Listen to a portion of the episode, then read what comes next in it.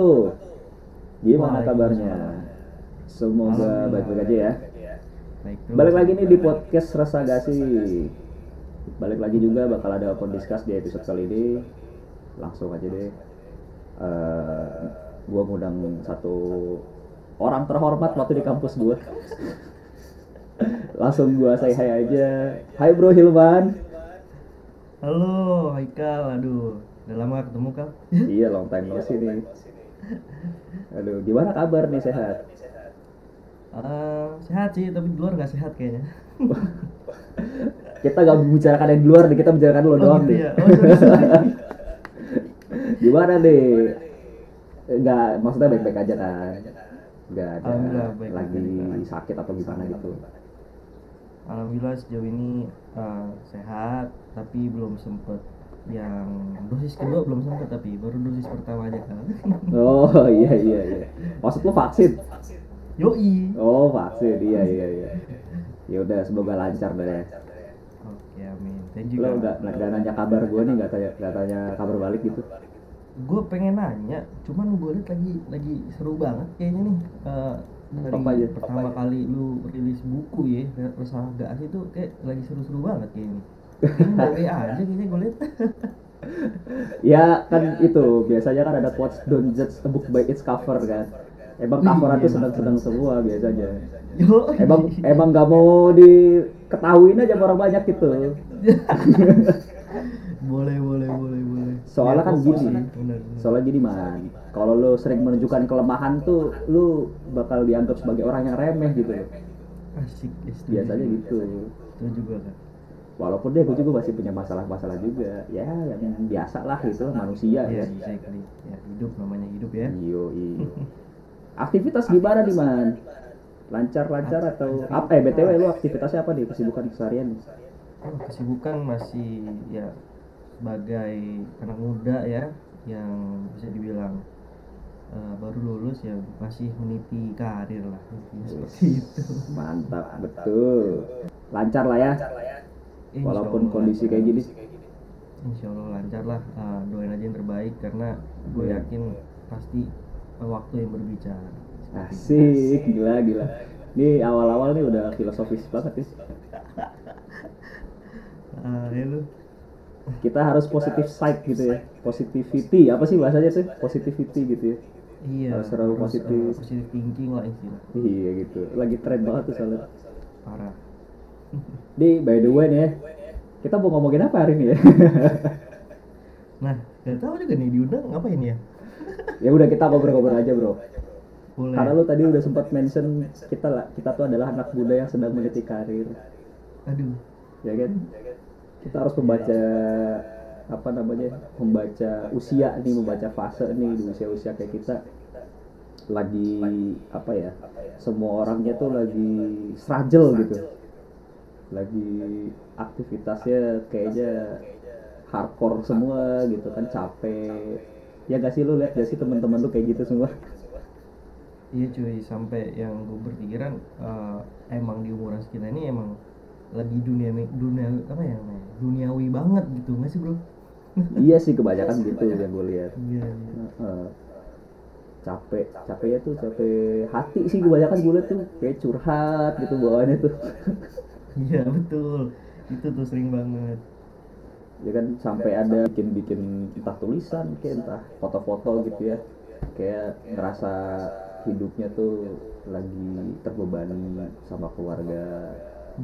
Terus kayak kontradiksi banget nih dia tuh pengen apa tapi apa yang dia pengenin tuh gak dapet. Iya. lu kebaca itu gak sih? Apa lu ngerasakan juga man? Eh, pasti dong ya, apalagi kalau menurut gua ini dirasakannya udah bukan cuma kita sebagai seorang yang eh, lagi di fase yang sedang capek atau gimana, tapi ini dirasakan menurut gua dari anak SD cuy. Dari Kok dia bisa? yang sebelumnya misalkan gini cuy, dia misalkan di tahun 2019 dia kelas 1 SD nih. Pas masuk kelas 2 eh nggak ketemu teman-temannya lagi gitu. Maksud gua Oh, dari gitu. S- dari anak Iya, kecil benar. sampai sekarang gitu kan mungkin lagi ngerasa eh, perubahan fase di hidupnya yang memang lagi fase di mana zamannya pandemi kita dapetnya gitu loh. Jadi kayak ada fase yang harus berubah. Semua orang merasa kalau uh, hidup mereka tuh berubah dan nggak sesuai ekspektasi kan jatuhnya. Iya benar. Un- uh, unexpected life ya. Iya setuju juga sih. Iya iya. Kayak uh, semua orang merasakan masalah gitu. Mungkin sebelum pandemi itu kalau ada orang yang ngungkapin masalah tuh kan kita melihatnya apaan sih ini orang kok curhat-curhat aja di sosmed gitu ya? Terus sekarang tuh kayak semua orang bermasalah dengan keadaan hari ini gitu. ya gue ngeliat kayak gitu sih. Makanya konten resagasi juga ya btw deh. Konten resagasi podcast terutama.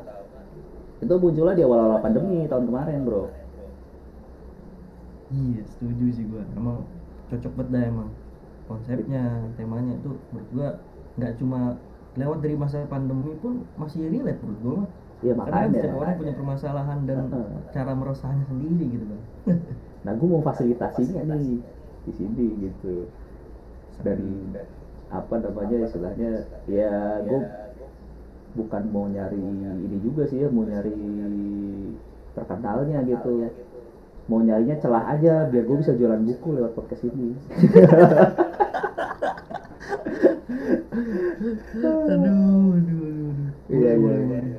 tapi gue kurang setuju kalau seandainya ini jadi promosi ini justru jadi wadah di mana kita bisa saling uh, sharing ya Iya, benar, bukan cuma antara kita berdua tapi untuk orang lain yang mendengarkan gitu cuy benar benar benar, benar, Yoi. benar. Eh, promosi buku bonus Yo, jarang-jarang ya kan? Iya dong. Jarang-jarang gitu. masa yang punya podcast gak, gak, gak ada hak gitu kan buat nge-share karya aja gitu. Aduh. Kan di mana-mana podcast tuh kan dia jualan juga kan. Kayak Deddy Kobuzer dia jualan sampo tuh dia. Yo iya, masa gue nggak jual, jualan buku? Ya kan? Avarul sih. Iya bro. Yo mantep emang. Eh by the way nih ya tadi kita udah ngomongin unexpected life Eh, kalau gue sendiri ya kalau gue pengen agak sedikit cerita lah. Unexpected life gue justru terletaknya di buku itu bro. Jadi Gimana waktu jadi pas gue waktu pas bikin buku kan tuh habis lulus kuliah kan.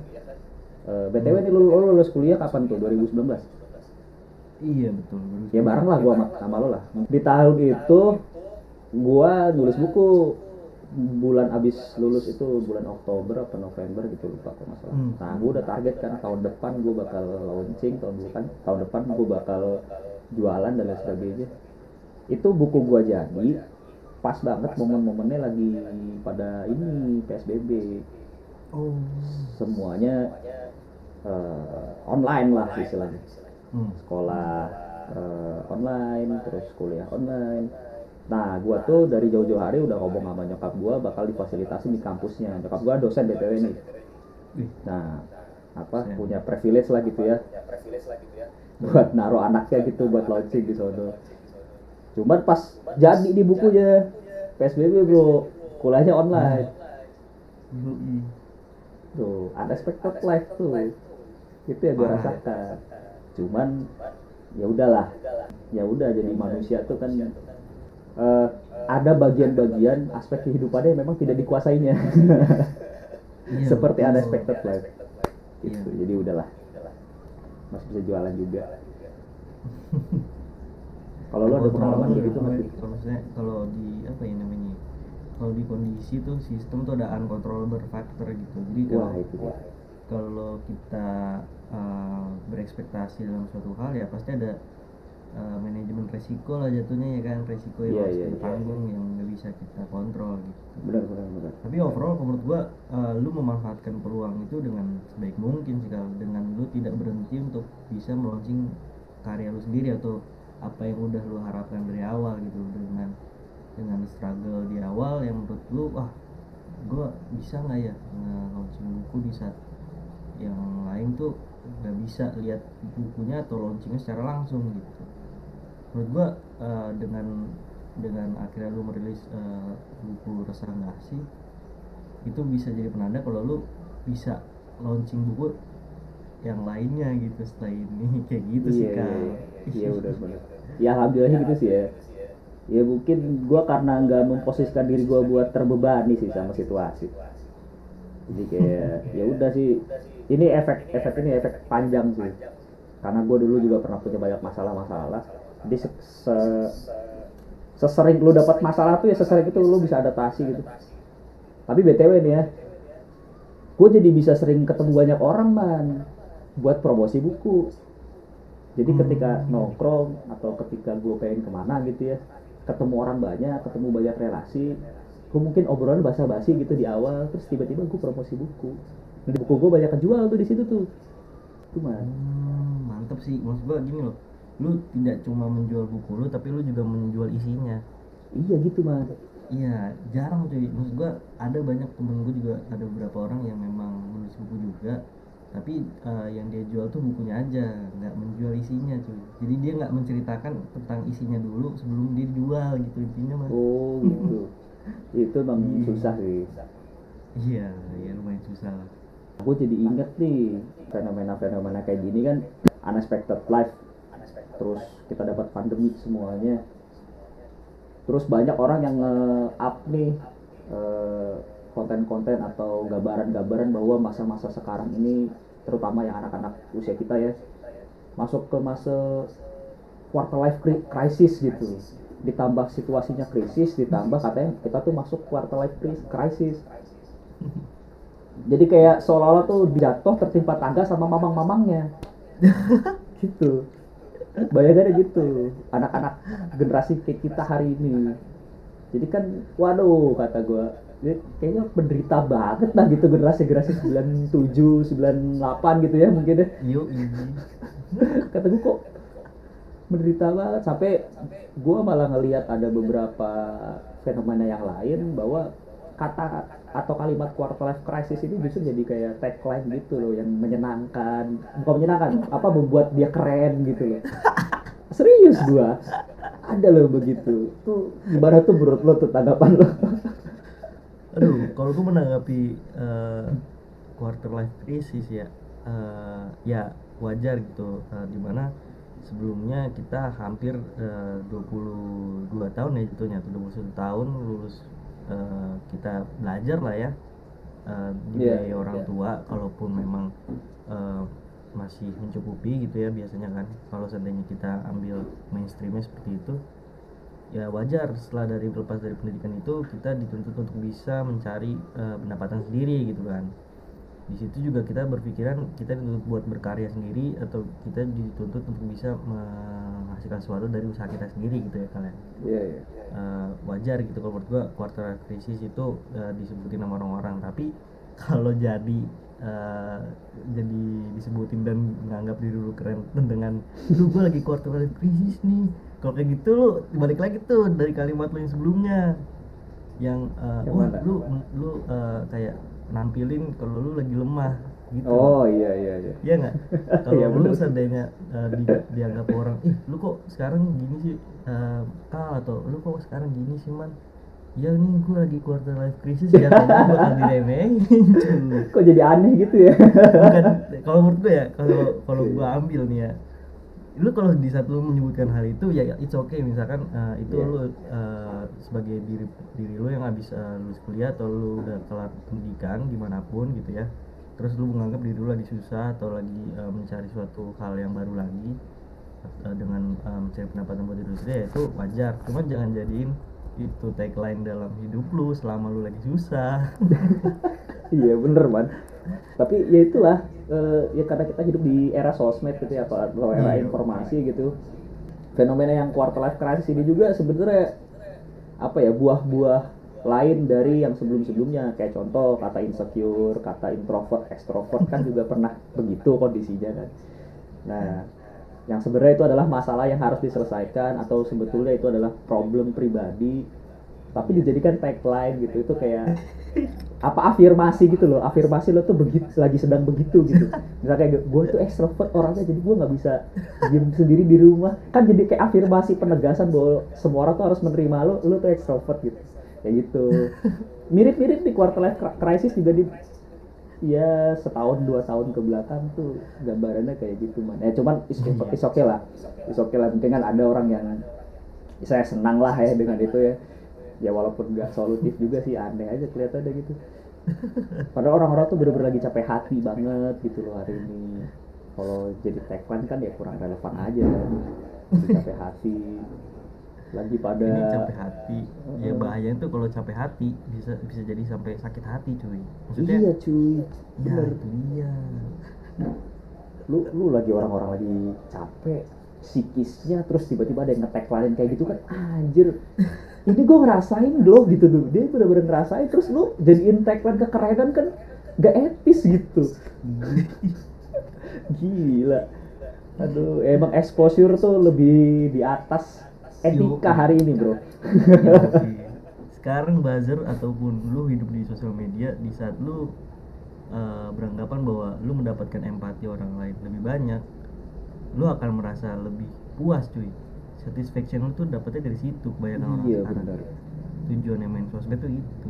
Kuantitas ya nyari nyari kuantitas ya nyari yo nyari padahal belum tentu kualitas eh, maksudnya kualitas dengan dia eh, berekspektasi bahwa dia akan dapat empati di saat dia nggak dapat empati itu sama aja dong.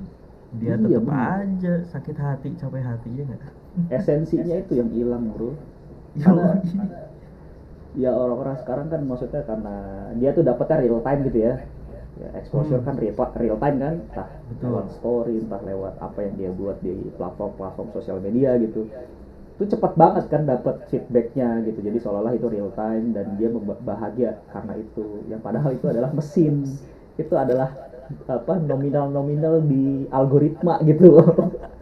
Itu bukan bukan real life bukan apa ya bukan yang nyata lah gitu iya betul. Tapi itu efeknya jangka panjang juga sih.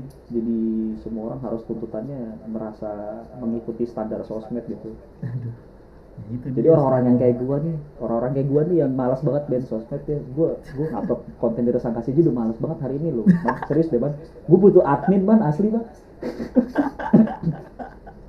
gua butuh admin asli. Btw nih ya bagi yang denger podcast nih eh, ini lowongan kerja nih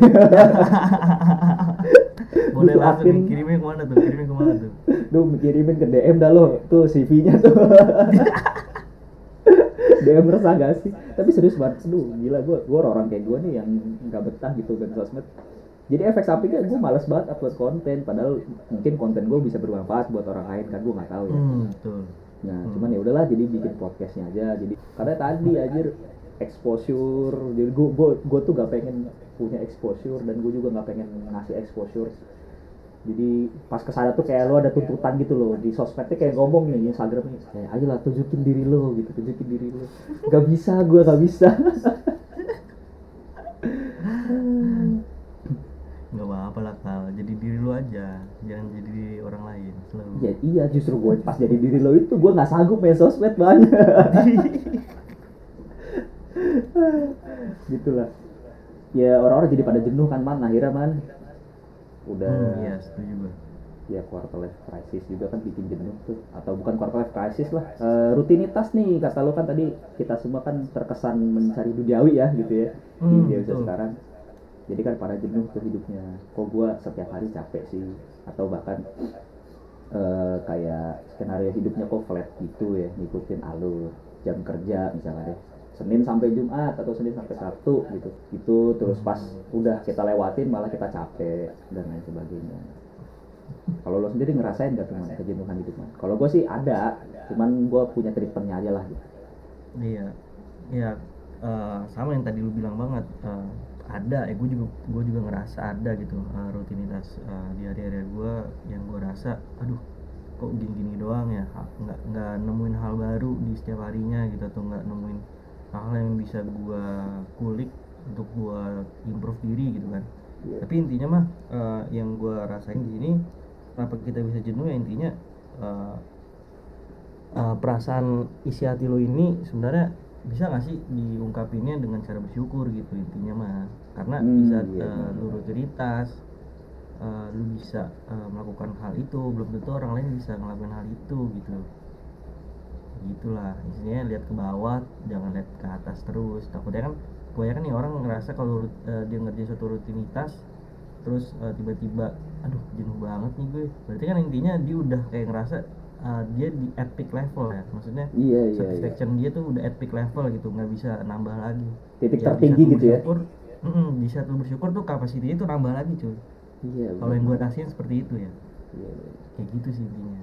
Eh, tapi gue sepakat sih ini menarik sih Eh, menarik banget ketika lu kayak ngerasa harus berhenti gitu berarti lu udah stuck gitu ya maksudnya mana yoi intinya mah kayak gitu sih intinya kayak kayak ya gue udah ngerasa capek gitu atau ngerasa kayak ya udah kayak nggak bisa melakukan apa lagi apa apa lagi ke depannya berarti lo kayak ngasih limit di saat itu lo nggak bisa gerak gitu jadi Hmm. akhirnya jangankan bersyukur ya dia mengamati atau menganalisa dirinya sendiri aja mungkin males Nah. gitu kan itu dia iya kan?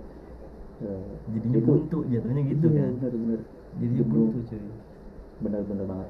Sepakat banget nah ini jadi mengarahkan ke problem kita di man hari ini. Gue udah nyiapin tema sih ini tadi ya di awal-awal bohong aja ya. Kalau kita tuh bingung ngomongin apa hari ini. Bohong aja itu udah ada tema aja sebenarnya. Ini mengarahkan ke problem pembahasan tema hari ini man pas banget sih mungkin ya ini gue eh, ini mungkin bisa dikoreksi sama lo nih atau lo punya pendapat lain jadi dengan unexpected life terus mainstreamnya kalimat quarter life crisis capek hati dan akhirnya jenuh hidupnya gitu-gitu aja itu menurut gua karena kebanyakan orang hari ini kalau mau dieksplisitkan yaitu generasi kita hanya menjalani kehidupan di atas permukaan man hmm. Jarang memaknai dan kehilangan panduan hidup gitu kalau yang gua lihat nah lu punya tanggapan gak tuh?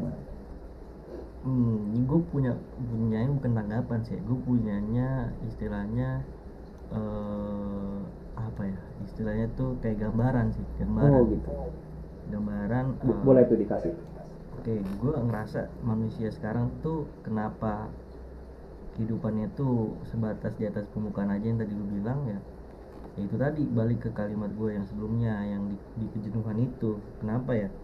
Di saat lu di permukaan, lu nggak bisa tahu tuh apa yang ada di bawah lu ya nggak? Betul benar benar Lu nggak memaknai atau lu tidak mencari tahu apa yang ada di bawah lu, apa yang udah pernah lu lakuin, apa yang udah pernah eh, lu lewatkan lah istilahnya gitu. Nah, kalau menurut gua di saat kita di permukaan itu nggak ada salahnya kita ngedive cuy. Ngedive istilahnya kita eh, turun lagi eh, inget inget lagi apa yang pernah kita lakuin di masa lalu. Dan dan itu tuh kita jadiin apa berproses untuk kita naik lagi ke lebih ke yang di atas permukaan jatuhnya gitulah. Jadi kalau menurut gua hmm, ini semacam lu berenang terus eh, lu kalau berenang nggak mungkin dong lu berenang cuma di atas permukaan ya nggak iya benar di saat lu ada beberapa kondisi di mana lu butuh butuh menyelam untuk bisa melewati suatu obstacle atau halangan lah intinya gitu kan? Iya iya. Kalau lu seandainya stuck di atas permukaan aja nggak akan nggak akan bisa lu melewatkan obstacle itu intinya gitu. Lu belajar berenang lu belajar belajar belajar juga menyelam sepertinya intinya gitu sih gitu ya biar lu tahu apa yang bisa lu lakuin ke depannya. Kayak gitulah intinya kalau menurut gua. Nah di pembahasan yang sekarang nih menurut gua eh, kenapa banyak manusia yang eh, cuma jalanin di atas eh, permukaan ya? Karena itu zona nyaman coy. Zona nyaman terus kurang bersyukur juga kalau menurut gua. Oh atau ada sebabnya gitu maksudnya ya? Hmm, kalau sebabnya kalau menurut gue sih eh, karena karena eh, mereka tuh berekspektasi atau melihat doang orang-orang yang memang eh, udah ada di atas permukaannya dia jatuhnya gitulah jadi dia nggak belajar. Orang-orang yang eh, atau di, diri dia sebelumnya yang pernah dulunya belum di atas permukaan atau belum eh, sampai di titik yang sekarang itu memahami apa ya apa itu yang namanya proses. Intinya gitu sih. Iya iya iya. Kayak gitu intinya.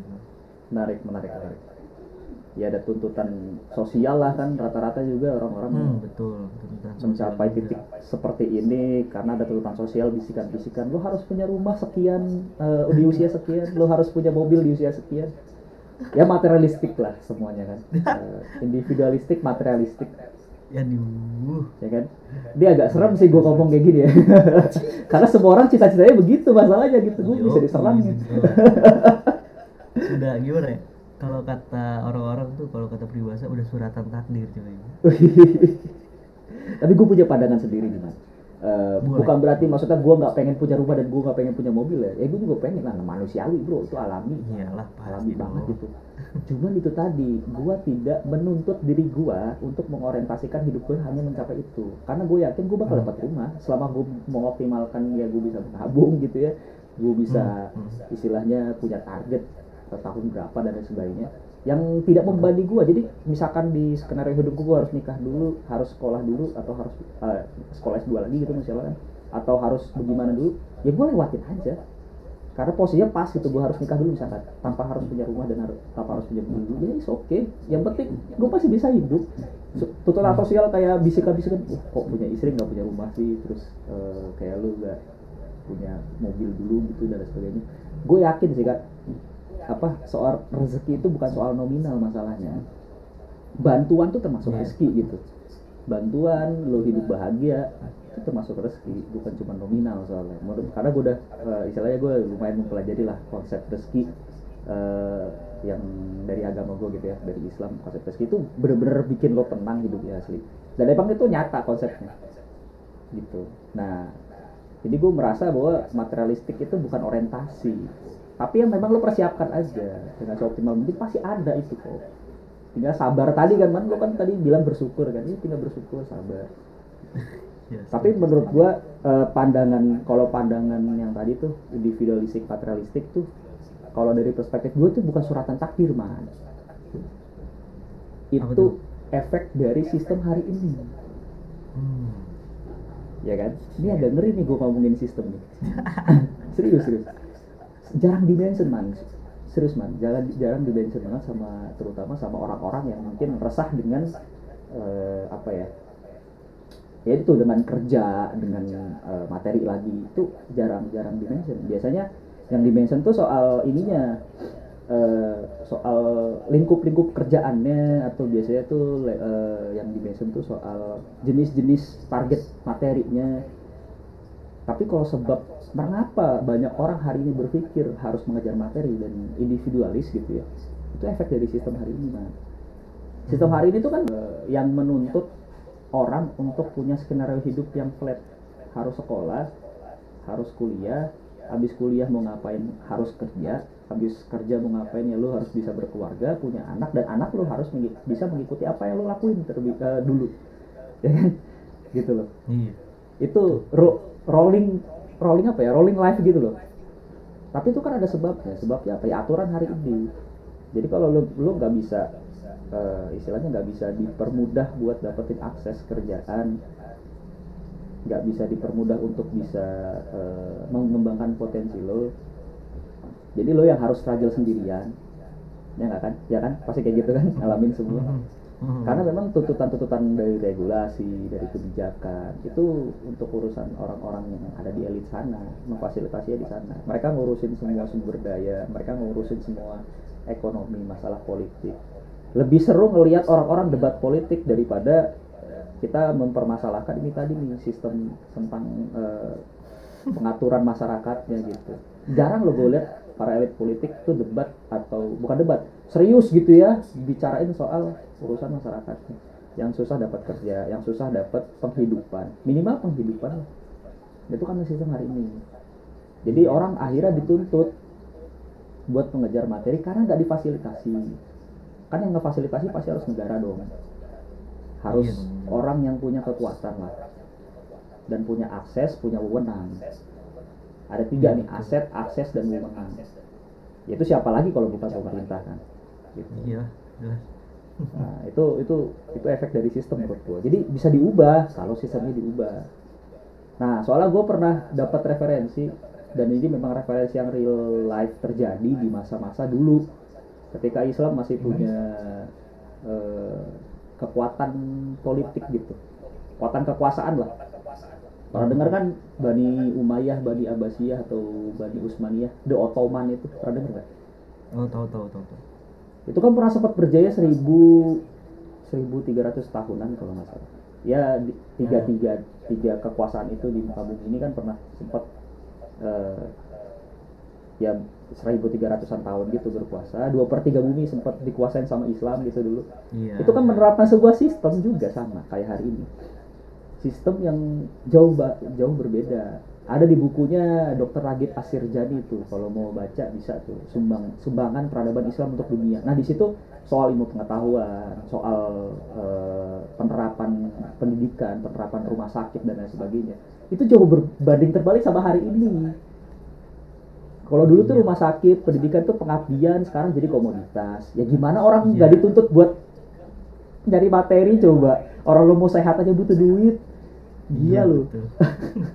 gitu sih ya kurang lebih seperti itulah gambaran gue bahwa ya menurut gue bukan suratan takdir tapi Hmm, efek iya. dari sistem itu bro setuju sih gua kalau seandainya emang eh, gimana ya Eh, lu pernah pernah pernah tahu nggak sih kalau seandainya kalimat eh, masyarakat madani itu diambil dari masyarakat madaniyah tau nggak lu? iya iya benar benar. tahu kan nah kan eh, sep- di- kayaknya itu sempat masuk kurikulum SD kalau nggak salah ya. Kalau seandainya eh, eh, contoh masyarakat yang baik adalah contoh masyarakat madani gitu kan. Nah Hmm. yang gua ambil memang beberapa sistem yang hmm, yang dimiliki eh, di dunia sekarang ya menurut gua udah berubah dari yang dari yang dulu gitu. Dan ya kalau menurut gua juga emang bukan suratan takdir sih emang emang benar. Karena memang sekarang sistemnya emang udah berubah dan menjadi lebih kalau menurut gue lebih sulit untuk uh, suatu, uh, suatu manusia untuk bisa menjalani hidupnya bukan cuma tentang bagaimana dia bisa hidup gitu tapi sekarang juga bagaimana bisa bertahan hidup jatuhnya gitu iya benar Gitu Mas. sih. kebutuhan hidupnya dipangkas loh yo gitu lu harus dulu tuh ya kalau gue mau sedikit lah nih ya sebelum kita nanti bahas keresahan masing-masing Eh, dulu tuh gue pernah eh, baca sebuah literatur tentang jam zamannya Bani Umayyah itu di masa itu ada namanya Khalifah eh, Umar bin Abdul Aziz.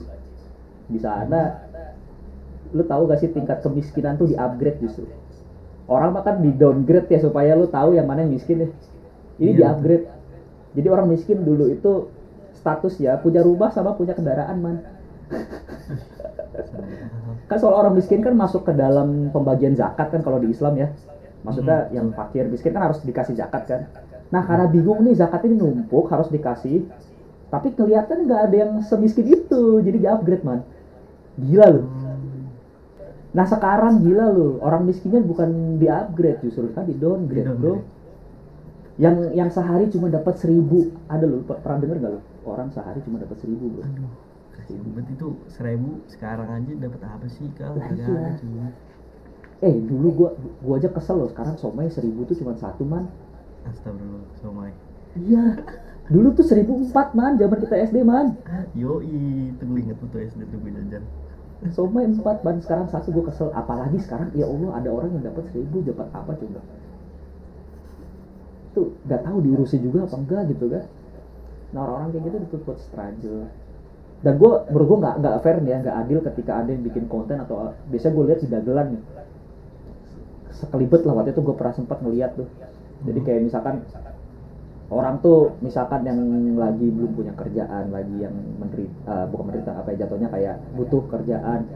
Jadi konten-kontennya tuh ngisinya tuh buat nuntut lo buat kerja keras doang gitu kayak gak ada dorongan buat support ke mereka gitu. Jadi kayak kamu nggak punya duit makanya jangan miskin kerja kata gitu gitulah konten yang buat hiburan lah hiburan-hiburan gitu ya kan? Itu kan Tahu ya maksudnya sta- gua gua ngerti konteksnya buat hiburan cuman Hmm. itu gue memandangnya lebih luas lagi bahwa sekarang orang berprinsip kalau ada orang yang istilahnya kalau ada orang yang nggak sukses kalau ada orang yang istilahnya apa ya masih menganggur Hmm. semuanya digeneralisir bahwa itu karena nggak kerja karena nggak usaha loh. Ah, karena bisa jadi itu tutup apa keadaannya gitu Iya, tentang keadaannya itu Man. Sedih Itulah. banget gua. Ya, karena yang gue rasain ya karena yang gue rasain eh, kenapa eh, sekarang tuh pandangan orang kalau seandainya eh, lu jobless atau misalkan misalkan lu unemployed lu eh, misalkan lu jangan kan unemployed deh lu misalkan lu menjalankan suatu usaha secara freelance gitu kan iya iya iya. itu lu bakalan dipandang sebelah mata gitu padahal Iya. belum tentu belum I feel that, man. belum, ya makanya kan gue ngerasa kayak kenapa lu mandang orang sebelah mata belum tentu juga hasil freelance lu itu uh, freelance orang yang bilang itu atau lu yang lu pandang rendah itu gajinya lebih kecil daripada lu atau uang pendapatnya lebih kecil pada lu gitu dan sedangkan lu yang sekarang ini uh, bisa jadi juga uh, bekerjanya juga belum tentu bisa sebaik dia gitu intinya semua orang punya potensi semua orang punya pilihan hidup semua orang punya sepakat. waktunya intinya gitu sih. Gue nggak pernah gue nggak pernah nggak pernah berani ya.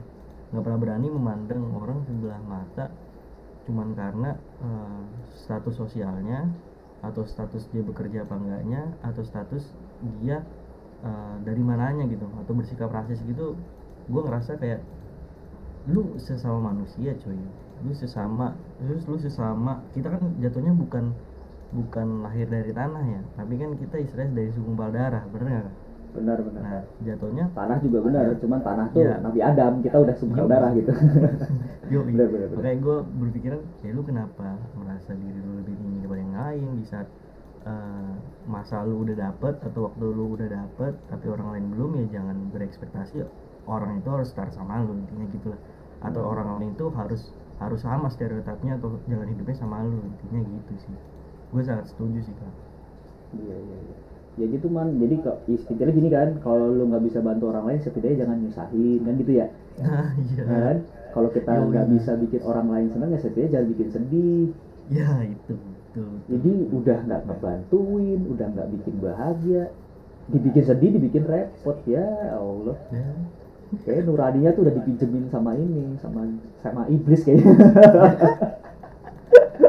lagi dipinjemin mal. Lagi dirental mal. Eh man Yoi, kayaknya ya. Ini lagi, Ibunya lagi dirental direntalin tuh. itu nuraninya lagi direntalin kayak PS kan PS PS4 nih lagi sering PS4. direntalin ya. Jadi karena mungkin iblis tuh pengen coba punya nurani manusia jadi direntalin gitu nuraninya. Aduh ya Allah. Ya begitulah man kondisi hari ini ya. Eh, ya fenomena juga gitu fenomena kondisi ya kita merasakan semua lah. Eh, pasti sih gue gue yakin sih usia-usia sekarang kayak kita tuh merasakan gitu hal kayak tadi. Makanya ya menurut gue sih eh, the problem utamanya nih kebanyakan manusia hari ini yang memang menjalani kehidupan di permukaan ya kalau yang gue lihat harusnya eh, terus jangan sampai ngasih limit sih man buat hidup kita gitu. Kayak jangan kasih limit bahwa kita tuh kayak udah memahami kehidupan tuh udah mentok segini aja enggak kok enggak. Hmm. karena masih ada opsi-opsi yang belum kita lihat sebetulnya kan kita merasa diri kita ini memandang hidup kita jelek karena nggak punya pembanding kan man hidup Iya, kita betul. ini flat karena nggak punya pembanding atau kita tuh nggak memahami kehidupan kita karena masih belum dapat informasinya nah kan gitu biasanya yang jadi per, yang jadi eh, apa ya tuntutan tuh bukan di kitanya mau harus eh, harus ngapain tapi mau apa enggak nih? Kalau harus ngapain kan berarti ada, ada kemampuan tuh untuk mengubah itu. Sebenarnya bukan ke situ sih sebelumnya tapi harus mau cari tahu apa eh, mau cari tahu apa enggak nih tentang kehidupan ini sebenarnya apa sih? Kehidupan ini harus ditutup buat ngapain sih? Pasti kehidupan itu juga punya tujuan kan. Lo lahir aja bukan atas kehendak lo. Ya udah jelas dong ya kan kalau ada nih di luar sana tuh yang lahir atas kehendaknya gue pengen datangnya terus sujud dah depan dia serius deh kalau ada ya kalau ada kalau ada mah ya nggak bakal kan gue lalu ini gitu Gak Gila, mungkin Bang. ada cuy Iya makanya kan. Berarti kan gini loh. Berarti kan kalau kehidupan ini nggak atas kehendak kita, otomatis ada yang berkehendak dong atas kehidupan kita. Iya kan? Iya jelas jelas Kenapa kita nggak mau mengetahui, mau memahami dari siapa sih yang berkehendak itu? Itu maksud gua ke arah sana. Harusnya belajarnya dari sono, cari taunya dari yang berkehendak dong.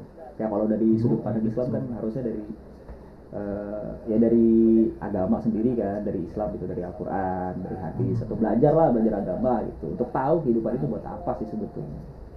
Itu sih man kalau dari gua. Iya, jelas sih kalau menurut gua. Ya gini lah intinya, kalau seandainya tadi lu bahas eh, tentang kita nggak berkehendak ya jelas. Mau sekarang gini deh, ki- kita kita cari tahu deh siapa orang yang paling pintar menurut kita semenjak kita hidup sekarang. Co- Coba taruhlah Albert Einstein ya. Iya, iya. Albert Einstein kan dia ny- nyiptain yang eh, teori yang atom kan. Iya.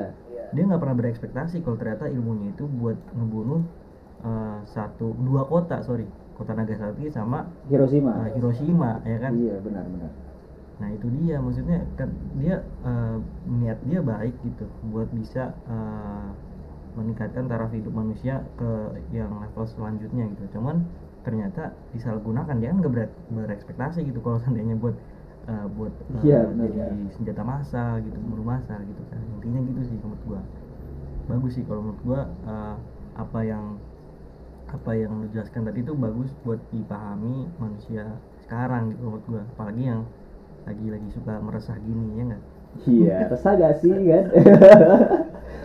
Paling bagus sih beli buku gua ada arahannya. Yo iya. gua udah beli kan? Gua udah beli. Mantep. Lu lu mantep man. Makanya gue ngajak lu podcast man. Karena gue tahu kalau udah baca buku gua tuh pasti lu punya pandangan-pandangan yang menarik gitu. Pede banget ya. Betul, betul. ya oke oke.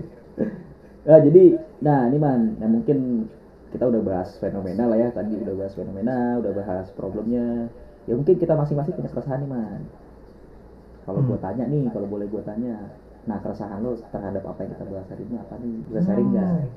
kalau kalau gue sharing ya gue sharing aja nih ya maksudnya Sharing aja, bro. apa yang gue kan gini deh eh, lu mungkin eh, yang lu ketahui mungkin kehidupan gue pada saat kuliah ya jadi gue ceritakan masa gue setelah kuliah jadi biar lu eh, punya pandangan atau pandangan baru gitu atau iya benar benar baru. benar benar. Karena lu mungkin udah tahu juga kan waktu gue kuliah gimana dan kehidupan gue bagaimana gitu. Ya Itu ya mah siap siap. Hampir sama lah intinya gue sama lu waktu kuliah lah kan sebagai mahasiswa gitu. Iya benar dong. Masih sebagai dosen. Yo betul. Lanjut lanjut lanjut. Nah yang gue rasakan setelah masa kuliah ini memang yang gue pahami eh, karena memang waktu kuliah gue merasa eh, kehidupan yang gue jalanin ini sudah cukup ya dan beranggapan bahwa mungkin akan eh, baik-baik aja untuk ke depannya setelah masa kuliah. Ternyata enggak cuy. Di situ gue merasa bahwa uh, ternyata tuh masa kuliah kemarin itu atau masa-masa gue kuliah kemarin tuh ternyata untuk proses yang setelah kehidupan masa kuliah intinya gitu lah kan di saat gue mencari kerja di saat gue mendapatkan kerja dan di saat sekarang gue mendapatkan kerja kembali di tempat yang baru ya. Ya menurut gue uh, di dua tempat ini tuh berbeda banget kan kenapa Hmm. berbeda? Menurut gue yang pertama uh, sebagai contoh gue di satu uh, pekerjaan gue yang sebelumnya yang gue anggap memang gue bisa uh, bertahan dan juga bisa struggle sampai beberapa tahun ke depannya ternyata enggak gitu. Jadi intinya di situ uh, ngerasa gue kurang bersyukur kan gue bisa uh, bekerja terus gue bisa uh, mengasah potensi gue gue bisa juga menuangkan uh, karya gue di situ. Cuman ternyata nggak nggak panjang umurnya intinya gitulah nggak panjang Hmm. umurnya. Karena gue rasa pada saat dulu gue itu kurang bersyukur. Tapi gue baru rasanya dari sekarang karena gue nggak bersyukurnya eh, kemarin eh, waktu waktu gue di pekerjaan sebelumnya kan intinya gitu. Iya iya iya. nah padahal yang gue pikirkan eh, bahwa pada saat pekerjaan yang sebelumnya itu gue ditempatkan jauh dari orang tua atau jauh dari lingkungan hidup gue sebelumnya intinya gitu. Gue dipindahkan di Sumatera waktu dulu itu dan gue beranggapan bahwa wah gue harus struggle sendiri nih harus bener-bener gue ngerantau lagi. Setelah 4 tahun gue ngerantau di Bandung ya kan kita baru di Bandung. Iya iya bro terus gue harus ngerantau lagi nih setelah ini meninggalkan orang tua gue dan gue teman-teman gue yang ada di eh, lingkungan hidup gue juga gitu kan. Dengan eh, ekspektasi lingkungan baru dan memang orang-orang baru lagi gitu. Ya itu menurut gue gue ngerasa gue nggak bersyukur di situ. Nah setelah dari situ ternyata eh, nikmatnya dicabut kal nikmatnya dicabut Hmm. ternyata yang gue rasain. Nikmatnya dicabut karena gue berekspektasi lebih dari pekerjaan gue sebelumnya gitu intinya gitulah ada dicabut dan gue eh, rasa masa pandemi ini sebagai masa di mana gue bisa merenung kan bisa merenung eh, apa sih yang sebenarnya gue lakuin atau atau apa sih kesalahan gue selama ini yang gue rasa kayaknya gue perlu benahi gitu. Untuk ke depannya gue nggak ulang lagi dengan kesalahan atau eh, masa-masa sebelumnya gitu. Nah nah yang gue rasain di sini adalah kenapa gue nggak bisa bersyukur di saat gue di waktu di masa lalu intinya gitulah tentang pekerjaan gue Iya, iya, itu. iya. kenapa gue nggak bersyukur gitu? Dengan kondisi gue yang memang eh, bisa sebenarnya namun gue putuskan untuk gue merasa nggak bisa kayak gitu. Iya iya. Nah setelah dari itu gue baru gue baru di tahun 2021 ini eh, pokoknya dari selang waktu gue eh, masih eh, berusaha kembali setelah pekerjaan yang itu sudah selesai berusaha kembali dari bulan Maret ya awal-awal pandemi banget dari bulan Maret sampai bulan Maret lagi 2021 baru tuh dikasih kesempatan lagi sama yang berkehendak. Yuk intinya Iya, gitu lah alhamdulillah intinya kayak gue ngerasa aduh kenapa nggak dari kemarin atau kenapa nggak dari dulu? Gue ngerasa kalau gue tuh sebenarnya eh, punya potensi untuk bersyukur lebih awal intinya gitu. Intinya kayak apa ya? Lo memilih untuk berintrospeksi lah ya bermuhasabah gitu. Hmm, hmm, hmm. kan jarang banget ya. Itu itu sebenarnya hal yang paling mudah dilakuin sama semua manusia. Tapi di satu sisi menjadi hal yang paling sulit dilakuin sama manusia. Yuk iya betul itu itu, itu bener banget ya. Gue ngerasain juga soalnya. Dan semua orang tuh pasti merasakan sih. Padahal itu adalah turning point ya bisa jadi turning point ya mana yuk iya betul betul. Iya iya iya. Jadi momen momen apa ya? Momen kayak kalau bola apa namanya? Highlight cuy. Yuk iya highlight highlight bisa highlight buat jadi analisa kan. Nah ini kebetulan gue karena kerja di media bola kan tuh sering tuh kayak gitu kan yo Jadi- wih kerja di media jadi- bola lu. Wih keren juga sih. Iya kan dari dari dari kuliah gue nanti gue ceritain deh. Wih, nanti gue ceritain deh. sih. Eh, btw gue juga punya sa- sama sih punya gambaran yang mirip-mirip lah. Cuman dengan skenario yang berbeda aja. Hmm, betul. Ya gue kan dari ini gue ceritain ya. Gue dari 2017 semester 4 Hmm. Eh, itu kan gue nulis di salah satu media bola lah. Eh, ada namanya Geomedia. Nah dia Geomedia ini punya cabang eh, cabang artikel bola di website itu dua website. Hmm. nah gue di dua website itu lah dia eh, nulisnya. Nah itu dari kamp- dari kuliah tuh emang gue udah dapat duit sendiri mah alhamdulillah mah nah dari situ kan udah kenakan tuh. Udah kenakan eh, udah istilahnya dapat bisa jajan sendiri. Jadi ya or, duit orang tua tuh ya gue saving. Jadi gue jajan pakai Nah. duit yang hasil kerja keras gue itu feel beda soalnya. Yo ini duit gue nih. Lu nggak bisa ngatur-ngatur gue ini duit gue gitu. Kayak kayak ada feel-nya lah. Ya kan? Lu pasti Yoi. ngerti lah. Lu pasti ngerti lah. Nah dari situ akhirnya gue punya prinsip kayaknya gue nggak cocok deh kerja di industri karena gua, kita kan teknik industri ini berdua ya Gue gue nggak kerja nggak cocok di teknik industri dan gue juga punya ketertarik- ketertarikan hobi nulis tentang Mhm. masalah kritik sosial self Iya, diagnose self-diagnose. terus eh, sama self improving dan lain sebagainya akhirnya gue bikin buku presentasi pun karena itu tadi ketertarikan gue ternyata memang bukan ke industri Nah, Hmm. jadi gue kayak berprinsip itu, eh kayaknya gue nggak cocok kerja di kantoran nih gitu, kantoran yang kayak nuntut apa harus ngerjain hal yang sama terus menerus gitu kayak nggak cocok. Yo, Dan itu kan identik banget sama jurusan kita kan. jelas Nah, akhirnya yaudah, gue ngomong ke orang tua gue pas habis lulus itu eh, pengen istilahnya ngapain kerja kantoran, nggak mau jadi PNS Hmm. juga, terus gue bilang eh, pengen nulis buku. Nah, ini nih problemnya orang banyak juga nih. Kalau lu punya cita-cita, kalau lu punya potensi at- atau sesuatu yang usaha misalkan gitu ya, pengen lo lakuin abis lulus kuliah, setidaknya lu sebelumnya ngasih bukti dulu orang tua, baru Nah. diizinin. ya betul Karena gua ngomong kayak gitu tuh, gua gua pede karena gua udah ada buktinya. nah Bayangin coba, eh, ini bukan bukan bukan mau pamer ya, maksudnya kayak gua selama seko- selama kuliah itu, eh, terutama semester 4 terakhir ya, gua gua sampai bisa beli laptop sendiri man dari hasil itu man, alhamdulillah man. Beli kan laptop man, terus beli HP. Nah orang tua gua ngeliat kan, wah ini nggak nggak minta ke nggak minta ke orang tua nih duitnya nih, pas beli kayak gitu. Makanya pas gua lulus ngomong kayak gitu dipercaya man. Udah sok bikin buku, gitu. Udah bikin buku segala macem. Ternyata itu dia tuh bagian dari proses ujiannya ada di sana sebenarnya pas abis lulus kuliah di mana banyak banget dorongan psikologi ke gua gua masih belum punya duit yang bisa eh, apa namanya duit yang bisa mengamankan gua di kemudian hari. Gitu. Hmm. ya kan? Itu kan tutut apa kayak ngerasa lu be- terbebani kan? Iya betul. Ya mungkin di tersangka sih nggak kelihatan tuh gua kayak gitu. Ini gua buka di obrolan sama lo nih. Gak apa-apa dong. spesial spesial. Siapa tahu, siapa tahu bisa tuangkan di buku selanjutnya ya kan. Wih, bisa bisa bisa.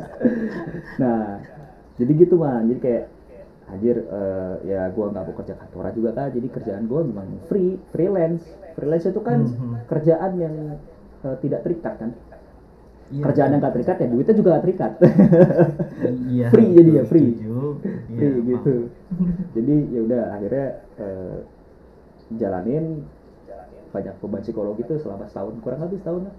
Eh, karena gue konsisten nulis buku terus adalah lima perasaan-perasaan yang kayaknya kudu gue tenangin lewat eh, hal yang lain lah bukan lewat materi tapi lewat hal keilmuan gitu lebih ke kayak gue makin banyak belajar supaya yang gue pikir ini adalah hal yang bermanfaat gitu terus Mhm. ya udah tadi kayak lu juga gitu gue merasa buat harus sering bersyukur karena di luar sana di masa pandemi juga eh, ya banyak yang nggak bisa makan gitu sedangkan gue bisa makan Iya. terus masih bisa makan masih punya keluarga. Di sana luar sana banyak keluarganya wafat kan gara-gara pandemi kan. Iya. nah terus eh, ya udah ada titik tolaknya ada turning pointnya ketika lu dikasih nikmat yang lebih gitu. di 2021 ini man gue juga merasakan hal yang sama kayak lu. Kayak ada sesuatu yang dikasih lah gitu. Momennya jadi gue nambah nih kerjaan ada di perusahaan yang lain. Cuma tetap freelance juga gitu jadi gue di dua Iya. perusahaan yang satu nulis yang satu eh, ngerjain konten gitu Oke. ya itu Cakep sih. apa Parah. ya, alhamdulillah lah gitu jadi kayak di ya. Heeh. ya semakin lu banyak-banyak bermuhasabah banyak bersyukur ya emang Allah kan akan kasih nikmat yang lebih kan gitu kan di Al-Quran juga gitu Yoi, yoi. Gitu, Setidaknya gitu, ya, kalau menurut gue nih ya, setidaknya nih, kalau seandainya lu nggak berekspektasi dapet apa yang lu mau di dunia, lu ekspektasinya di akhirat aja cuy. bener Udah, udah, intinya itu aja lah. Tapi nggak mungkin lah, misalnya di dunia ini kalau lu nggak berusaha, lu nggak dapet sesuatu, nggak mungkin cuy. Percaya Iya, sama bener, diri bener. lu, percaya sama Tuhan lu aja. Kayaknya gitu sih. ya ya kan Allah bilangnya kan yang kita anggap baik belum tentu baik kan misalnya nih kita berekspektasi kita anggap itu baik tapi sama Allah belum tentu baik dikasih yang lain itu biasanya tuh lebih tuh lebih dari kita harapin biasanya Nah iya, setuju gua. Itu biasanya. Dan yang kita nggak suka belum tentu buruk kan buat kita kan. Yoi, itu tuh Pas kita- kayaknya gue pernah tahu deh itu ayat Al-Baqarah ayat 216 kalau nggak salah ada. mungkin mungkin. Gue juga kurang hafal itu ya mungkin itu di Al-Baqarah itu kayaknya. btw itu btw ku- quote-nya gue gua taruh di di di, di, di kamar. mantap mantap man. Mantap Gua man. gua Jadi motivasi ya man ya? Paduan hidup ya man ya? Jadi gue tiap bangun tuh selalu beranggapan hari ini buruk belum tentu eh, buruk buat lu gitu. Jadi gitu lah. benar benar mantap ngeliat mantap Kalau di Ajib saat nih. nah di saat misalkan hari lu baik belum tentu itu hari itu eh, bagus buat lu juga gitu kan. iya iya jatuhnya kayak gue dituntut buat bersyukur sih intinya gitu Bener, gue pas liat quote di kamar gue itu sih intinya gue taruh tuh depan depan kamar apa depan tempat tidur biar gue pas Wah mantap ngeliat. itu. Karena kan kalau kata gue pernah dengar di TED Talks nih, jadi kayak ketika lu bangun pagi tuh informasi yang masuk ke kepala tuh ya harusnya bagus-bagus man. Jadi itu jadi jadi tanda lu bisa produktif di hari itu man. Gue pernah denger tuh di TED Talks. Tuh, itu, Man. boleh tuh cuy di, diaplikasikan pada teman-teman yang mendengarkan ya Iya nih bener nih. Jadi jangan hanya sebatas wah ini referensi daging daging daging daging kagak dimakan. Kan sering gitu ya man ya. Tergantung nih dagingnya halal apa haram. Oh iya, bener man, bener man, bener man. Oh itu dikasih tuh, dikasih panduan lagi sama si Hilman ya. yo i- itu kan jatuhnya kayak lu bisa memilah mana yang bener mana yang enggak mana yang Oh iya, bener, referensinya. Man, bener, Man, bener, mana Itu yang bener, referensinya Sepakat, jelas mana yang hoax gitu lah intinya. Bener man. Eh, tapi intinya gitu ya, kalau lu nganggap itu daging ya lo koreksi. Tapi ketika udah udah lo koreksi udah bener ya dimakan gitu, jangan cuman wah ini daging daging, udah gak daging daging doang. Dinikmatinnya kayak seolah supaya bisa pinter gitu, nggak gitu. Diterapin dong, biar Ya, flow jelas. kan hidup kita aja gitu ya. Yoi. kalau gue kalau gue di btw gue belajarnya dari gini man. Gue belajar eh, prinsip pas lagi tuh masa-masa yang muhasabah itu ya gue belajar prinsip-prinsip hidupnya tuh dari ini. Kisah Nabi Musa pas baru lahir man. Nabi Musa? Heeh, yang tahu loh kisah yang sampai ibunya itu kan bimbang antara mau mempertahankan Nabi Musa atau mau dibuang Hmm, ke sungai yang di yang dialirin ke sungai ini loh kan? Heeh, Hmm. intinya tuh kayak itu kan dia nggak berkuasa atas kehendak eh, Nabi Musanya karena memang Fir'aun ngasih kebijakan bahwa di anak eh, anak laki-laki di tahun itu harus dibunuh kan. iya. Iya, Nah. gara-gara mimpi doang itu gara-gara setan. Iya kan? Iblis. Nah dia makanya kan baca doa kalau sebelum tidur. Nah iya makanya eh, istilahnya ibu Nabi Musa sampai bimbang terus di istilahnya ada perintah kan dari Allah gitu buat alirin aja. Hmm. akhirnya bertekad buat ngalirin aja. Ini skenario bagusnya begini gimana sih lu lu rasa jadi ibu baru ngelahirin anaknya dibuang? Kalau yang punya nurani ya bukan yang jadi kasus kriminal nih. Kalau kasus kriminal Aduh, beda. dong. Beda. jangan kontradiksi sama yang zaman sekarang. Iya itu beda ya. Maksudnya gue takutnya ada nih ada yang pendengar nanti nyamain nama itu lagi kan. Ya Nah, itu gitu. ya. Takutnya salah nangkep pendengar ya. Heeh, takut salah nangkap jadi gue lurusin nih. Jadi itu istilahnya ibu yang punya nurani. Itu kan bener kan kasih sayangnya harus dilepas tuh. Mhm. berat hati harus dialirin ke sungai taunya ngarepnya kan harusnya dialirin ke jauh dari Firaun. Iya. Tapi Tahu. alir alirannya masuk ke pemandiannya istrinya Firaun. Iya. Malah diambil sama Asia istrinya Firaun yang memang mandul nggak dikasih anak. Mungkin eh, di situ gua kalau kata para ulama Allah tuh nggak ridho gitu Eh, si Asia ini bisa ngambilin dari orang paling zolim semuka bumi gitu. Nggak ridho dia. Mungkin ya mungkin ya. Nah, gitu kata para ulama gitu nggak ridho. Nah masuk tuh di eh, diambil kan wah akhirnya diangkat jadi anak kan. Mhm. cekcok-cekcok sama Fir'aun apakah ini boleh jadi anak apa enggak? Akhirnya yaudah disepakatin lah. Adalah itu pembahasan tersendiri lah ya panjang kalau dibahas. Tapi intinya masuk ke istana tuh si anaknya. Nah itu pas masa-masa pengen menyusui jadi kan ibunya kan karena nggak punya anak dia nggak bisa menyusui kan si istrinya Asiahnya Hmm. eh, istrinya si Fir'aunnya ini kan iya Nah, bikin sayembara susu sampai bikin dia tuh kan nangis soalnya Nabi Musa aja nih. Harus sampai bikin dia diem pas disusui. Panjang tuh atriannya kan.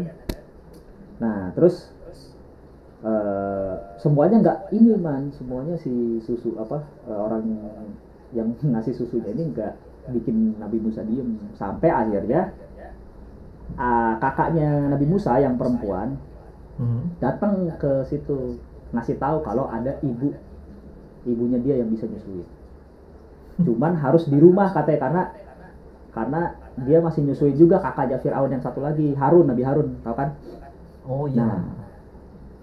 Disuruhlah ke situ. Bayangin coba udah mah dibuang-buang jauh-jauh supaya nggak ke Fir'aun datang ke Fir'aun. Pas datang ke Fir'aun dikiranya bakal lepas dari ibunya. Tahunya datang sendiri ke rumahnya man. Dianterin man. Disusuin sama ibunya itu. Iya, makanya It- unexpected itu yang- life cuy. itu yang gue bilang. Harusnya kita ini hidup jangan di permukaan. Nah itu. Tapi hidup kita ini harus dikaji. Ini kita hidup ini buat apa kalau kita nemu panduan ya kalau gue udah yakin panduan gue dari Al-Quran Sunnah Rasulullah iya. gue udah yakin gue gue gue punya keimanan soal Islam kan. Jadi gue jadikan Islam sebagai panduan sebagai konsep. Ketika gue meng- mengikuti itu pasti gue merasakan skenario skenario hidup yang gak gue ekspektasikan. Cuman gue meyakini gue taruh prinsip tadi tuh tentang kisah Nabi Musa. Gue bakal dapet itu tuh momen-momen ketika Nabi Musa eh, ibunya Nabi Musa nyusuin lagi Nabi Musanya gitu loh. Itu yang gue ya, yakini Eh, plot twist bener bro. Plot twist. Ini j- Allah kan jauh lebih canggih plot twistnya daripada siapa namanya? Iyalah daripada Siapa daripada namanya tuh? produser. Produser MCU Iya, yang paling terkenal tuh. nggak- Aduh, lupa gue namanya siapa ya. Yang bikin Batman trilogi tuh. Aduh lupa gue namanya. Ya itulah pokoknya. Gitu bro jadinya. Parah. Masalahnya gini cuy apa kalau kita tarik semua dari kisah nabi mah eh, emang yang gue rasain eh, lo harus percaya sama ke apa ya istilahnya non teknis. Lu Ya, boleh see, melakukan lu boleh melakukan hal lu boleh profesional dalam bidang teknis lu. Lu bisa ini itu lu bisa mengurangi resiko dari apa yang lu, lu lakuin. Tapi lu nggak bisa cuy. Lu nggak bisa mengurangi resiko non teknis emang sekarang sekarang kita kita kita telah lagi deh. Emang alirannya kita yang nentuin waktu waktu seandainya ibunya hanyutin Nabi Musa ya misalkan. Emang alirannya yang nentuin ibunya? Kan enggak ya? Enggak emang bro ibunya benar. berpikiran itu bakalan lewat di dekat pemandiannya eh, tempatnya mandinya istrinya Firaun. Kan enggak cuy. Itu lah maksud gua kayak lu yang penting lu ngelakuin hal eh, sesuai panduan hidup lu yang lu bilang tadi misalkan panduan hidup lu adalah Al-Quran mungkin atau misalkan misalkan dengan Alkitabnya ya dengan proses seperti itu yang menurut gua nggak ada masalah cuy. Selama lu menjalankan hal itu eh, dengan sesuai syariat atau sesuai dengan apa yang diajarin keyakinan lah ya. Iya bakalan bakalan dapat hal yang baik untuk diri lu. Siapa tahu nih ya apa yang lu korbankan lu dapat buahnya lebih manis misalnya gitu lah. Iya asik. Bener banget bener banget. Non teknis tuh ibaratnya eh, itu tadi sesuatu yang nggak kita kuasai kan? Ja- jadi Betul. non teknis dan teknis kan sesuatu yang berbeda ya? Kontradiksi kan itu man ya? Nggak bakal bisa bersatu kan? Nggak akan bisa. Kayak kayak minyak sama air cuy. Nah, iya cuy. Bener cuy. Jadi kayak eh, jangan terlalu menyandarkan kepada hitung-hitungan ya kalkulasi ya. Itu penting dan kita harus menuntut untuk bisa kayak gitu. Bukan berarti nggak nggak kita lakuin ya. Cuman kayak jangan menyandarkan terlalu ke sana ya mana maksudnya iya betul. Kalkulasi, ya, kalkulasi. kayak misalkan gini deh. Misalkan gini ya. Kita kan pernah kuliah praktikum shift shift, shift satu ya atau atau jam 6 lah jatuhnya ya kan? Iya iya bro bener bro. Lu gini deh. Lu pernah gak sih eh, lu kebangun nih lu lu udah pasang alarm lu. Habis subuh eh, lu mau tidur lagi mau nggak itu terserah lu. Tapi lu pasang alarm misalkan bangun jam sekian. Iya. Ternyata lu bangunnya mepet. Iya iya iya. di saat itu lu berpikiran ah udahlah gue nggak usah berangkat. Walaupun di situ masih 15 menit lagi misalkan ya kalian iya iya. Atau misalkan 5 menit lagi. Lu pilihan hidup lu tuh antara lu tetap mau berusaha eh, masuk eh, buat praktikum atau enggak. Gitu intinya di saat lu enggak ya ya lu ngulang gitu kan buat setahun. Hmm. kalau di praktikum kan gitu ya. Setiap pilihan ada konsekuensi. Yo betul itu betul setuju gua banget. kan. life is consequences. Jadi ya setiap pilihan hidup ya konsekuensi. Yo walaupun kita anak teknik dan belajar ya belajar hal-hal teknis tapi kita harus belajar juga bagaimana non teknis cuy. bener cuy. Bener bener banget. Ah cuma ada di sini sih belajar non teknis tuh. Biar sagasi ya Yo. Jadi ya emang ya gue sih menun apa ya gue ketika gue tersagasi tuh gue PD-nya ini spektrum baru gue bilang gitu sih. Karena gue Hmm. jarang banget lihat ada orang yang ngebahas sesuatu tuh ada outputnya ada solusinya gitu. Kayak bener-bener positivity lah. Tapi positivity-nya nggak mengabaikan atau nggak menafikan unsur-unsur dari agama gitu kan. Sekarang kan udah dianggap nggak relevan kan agama terutama Islam nih banyak banget dideskripsikan gitu disudutkan. Ya, gimana karena coba? Lu belum- ini juga sih Heeh. Kenapa sampai eh, faktor agama atau faktor non teknis ini banyak orang yang lupa? Ya karena mungkin kondisi sekarang tuh lagi sulit aja sih kalau di saat gini ya, manusia tuh bakalan bakalan ngerasa diri mereka butuh sesuatu ya di saat mereka lagi jatuh cuy.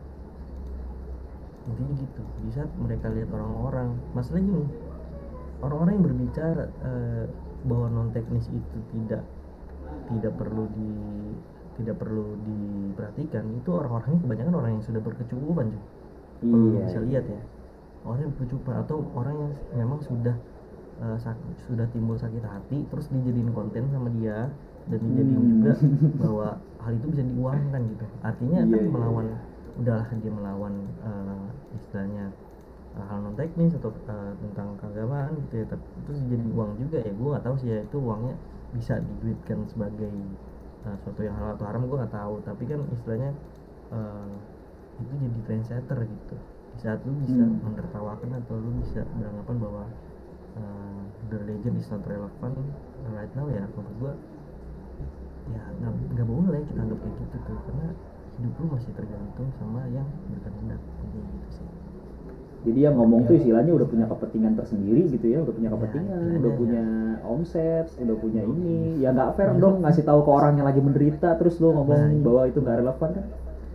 Sesuatu yang ya nggak ada bedanya kan sama Heeh. sama Mm-mm.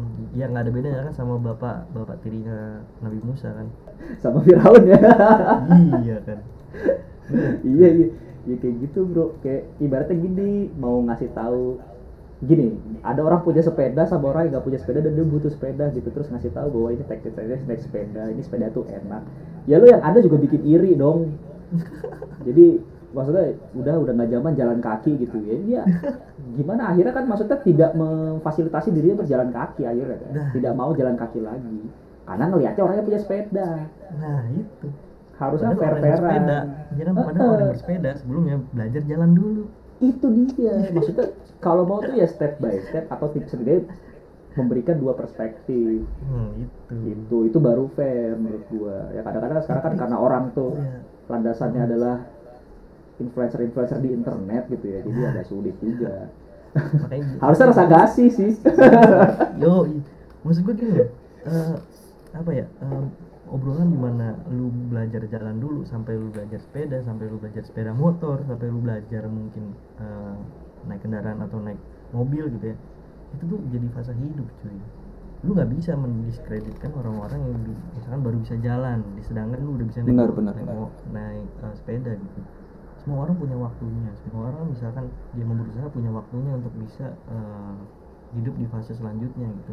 Jangan sampai lu beranggapan bahwa wah lu baru punya sepeda gue udah punya motor. Ya belum tentu hidup lu yang punya motor itu jauh lebih sehat ketimbang orang yang bersepeda gitu. Jatuhnya iya gitu kan. banget. Intinya gitulah lu jangan kayak merasa diri lu udah hebat. Nggak ada di dunia orang yang udah hebat. Sampai Albert Einstein aja beranggapan uh, dia hampir menyesal cuy. Uh, dia dia nggak pernah berekspektasi kalau seandainya bom atom itu kan dijadiin pembunuh massal Iya. gitu. Jadi senjata buat pembunuh massal kan nggak nggak pernah berekspektasi sana. Kayak gitu. Lu bayangin cuy orang ilmuwan kayak gitu tuh mengusahakan kayak gitu pasti banyak suatu hal yang dia korbankan gitu dia nggak ber- dia Iya. beranggapan hal ini tuh baik buat ke depannya gitu. intinya itu sih. Banyak hal yang menurut orang yang pinter segala macam tapi bisa gunakan sama orang setelahnya kayak gitu sih. Benar benar It- jadi memang kita tuh hidup tuh harus dengan ide sih dengan ide dengan eh, ya ide lah ide atau konsep jangan mengkultuskan sosoknya gitu. Kadang-kadang kan gitu idenya bagus kok sosoknya yang mengemban ide tersebut berubah. Tapi karena sosok able orangnya gitu terus mengkultuskan sosok ya akhirnya ikutin sosoknya walaupun idenya udah nggak diemban lagi. Nah gitu. Harusnya tuh ide. Nah, gitulah kurang lebih lah. Ya man mungkin udah lumayan panjang nih man. Kita nggak kerasa nih ngobrol udah sejam nih man. Wih iya gua ngerasa loh. Nggak ngerasa kan? Emang seru man ngobrol dari sana sih mas yo ih, seru banget harus ikutan semuanya ya, harus dengerin nih iya harus Yo. dengerin harus ikutan bisa sharing keresahan juga boleh ini terakhir nih man sebelum gitu bisa kasih opsi referensi atau hal positif yang lo punya gitu buat pendengar sangkas ini terakhir Oke. Ini eh eh, gimana ya? Gue tarik dari permasalahan gue tadi sih, maksudnya tentang Iya, pekerjaan nggak gue tadi. apa-apa. Kan lagi masa pandemi ya bro, waktu gue coba pindah atau gue tidak bekerja di pekerjaan sebelumnya gitu ya, di bulan Maret itu. Dan lu tahu kondisi eh kondisi setelah gue pulang di rumah gue atau di lingkungan gue itu ternyata ibu gue itu perlu orang yang bisa mengantarkan beliau dari rumah ke tempat kerjanya intinya gitu lah Hmm. sedangkan di situ eh, gue berpikir konsepnya gue masih di Sumatera waktu itu dan kondisinya pandemi. Berarti intinya ibu gue eh, ibu gue itu belum tentu ada yang bisa nganterin dong. Intinya gitu lah. Iya iya ya kan? Dengan kondisi pandemi terus eh, banyak yang tadi lu bilang juga keluarganya eh, kemalangan karena meninggal dan satu lain halnya juga kan. Berpisah lebih cepat eh, kalau yang kita eh, rasakan. Nah yang gue rasakan di sini gue merasa kalau ini tuh memang eh, suatu hal yang perlu gue syukuri juga gitu. Gue nggak pernah beranggapan bahwa gue tidak gue tidak eh, melanjutkan pekerjaan gue di sebelumnya itu sebagai suatu hal yang menurut gue kesalahan terparah di hidup gue enggak tapi gue merasakan bahwa itu harusnya bisa gue eh, perbaiki di kemudian hari gitu intinya gitulah. Iya. cuman eh, kenapa gue memilih gue mencari solusi untuk bersyukur karena dengan cuma bersyukur itu tuh suatu suatu hal solusi yang di mana lu tuh nggak perlu capek-capek memikirkan suatu hal tapi lu cuma bisa lu cuma perlu mikirin apa yang udah lakukan ini dengan mengapresiasi diri lu gitu. Apresiasinya dengan gimana ya? Lu misalkan tentang beribadah kan tuh suatu contoh bersyukur ya. Atau enggak misalkan lu alhamdulillah atau misalkan intinya lu menjalankan suatu hidup ini ya secara secara berkecukupan gitu. Nah di saat eh, masa pandemi bulan Maret sampai bulan Maret berikutnya di 2021 ya yang gue rasakan adalah gue mendapatkan pekerjaan itu di saat eh, ibu gue itu memang sudah tinggal masa-masa uh, pensiun gitu intinya kan jadi gue ngerasa bahwa wah berarti memang setahun ini uh, gue berjuang gue beranggapannya di tahun ini gue diminta untuk berbakti lah intinya gitu menemani Iya, iya. ibu gue di rumah dan uh, memastikan keluarga kalau seandainya memang baik-baik aja gitu intinya seperti itu sih Kak. dan yang gue bisa pahami juga buat teman-teman yang mendengarkan juga sini jangan pernah lu beranggapan diri lu itu belum bisa atau belum sampai di titik uh, tertinggi lu gitu. Jangan pernah. Tapi lu rasain bahwa diri lu itu masih bisa improve masih bisa melihat ke bawah sehingga lu ke depannya itu bisa bersyukur kayak yang lu bilang tadi. Istilahnya jangan sampai diri lu ini tuh diambang di permukaan aja gitu ya lu nggak akan improve dong gitu ya kalau di permukaan ya nggak?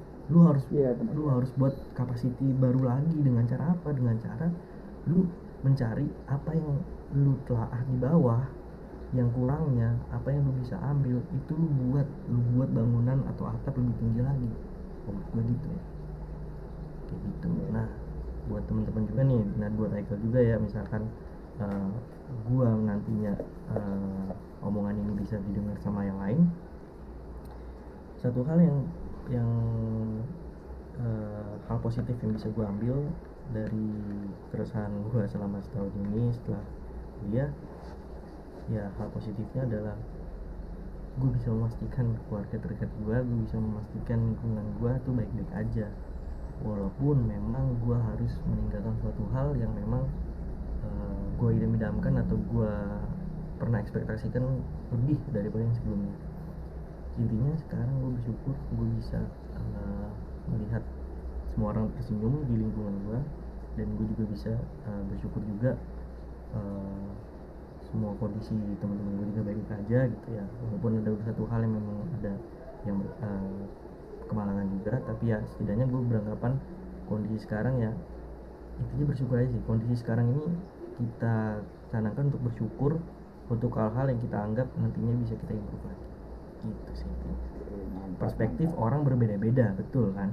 Benar perspektif benar orang berbeda-beda point of view-nya. Point of view-nya itu orang berbeda-beda. Tapi yang gue tarik di sini lu bisa improve diri lu di saat lu bisa bersyukur. Di saat lu nggak bisa bersyukur ya lu nggak akan improve diri lu. Dan satu hal yang pernah gue sebutin juga eh, sometimes apa ya apa yang baik buat diri lu tuh belum tentu baik buat diri lu dan apa yang buruk buat diri lu tuh belum tentu buruk buat diri lu. Jadi intinya selalu bersyukur eh, gimana pun caranya biar lu nanti nikmatnya ditambah.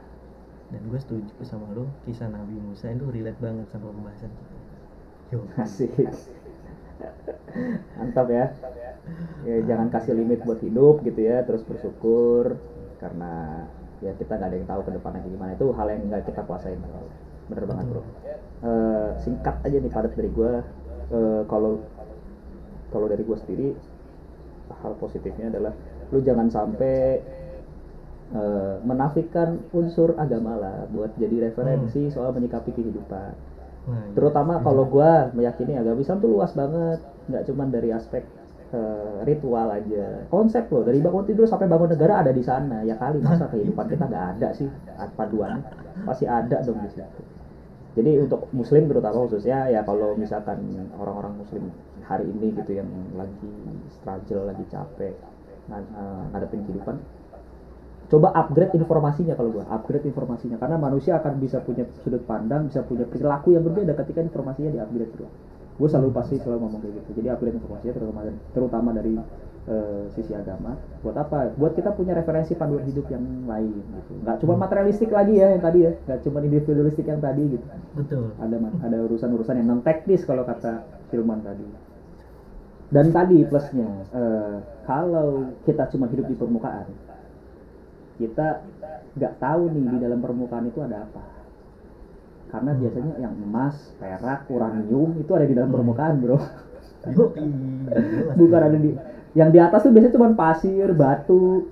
Mohon maaf ya kotoran unta gitu kotoran kambing biasanya di situ. Lu jadi harus digali dong supaya dapat uranium. Lu bisa bikin ini lo bisa bikin nuklir lo dari uranium. Lu bisa jelas, kan? emas gitu kan emas perak lu bisa kaya di situ. Karena memang sesuatu yang berharga itu di dalam permukaan. Makanya kehidupan juga kalau lu bisa memaknai di situlah letak uh, yang berharganya. Oke deh cukup sekian mungkin ya man ya. Udah panjang nih man. Uh, terakhir pokoknya thank you banget nih man udah menyediakan waktunya dan uh, istilahnya hal positif yang bisa di sharing ke rekan kasih uh, sama-sama kak. semoga lancar-lancar terus tuh aktivitasnya. Semoga tetap stay happiness stay positif. Wah asik. Udah kayak tagline radio ya. Uh, ya pokoknya saya lagi thank you banget. Sehat-sehat selalu. Sukses terus. Uh, jangan iya. kapok-kapok ya man ya kalau diajak lagi. Oh jangan salah. Gue selalu istilahnya welcome lah kalau seandainya gue bisa sharing ke orang lain ya khususnya buat yang lagi dengerin nih uh, semoga bermanfaat juga. Gue berpikiran kalau seandainya kita punya satu hal yang positif nggak usah kita simpen lah.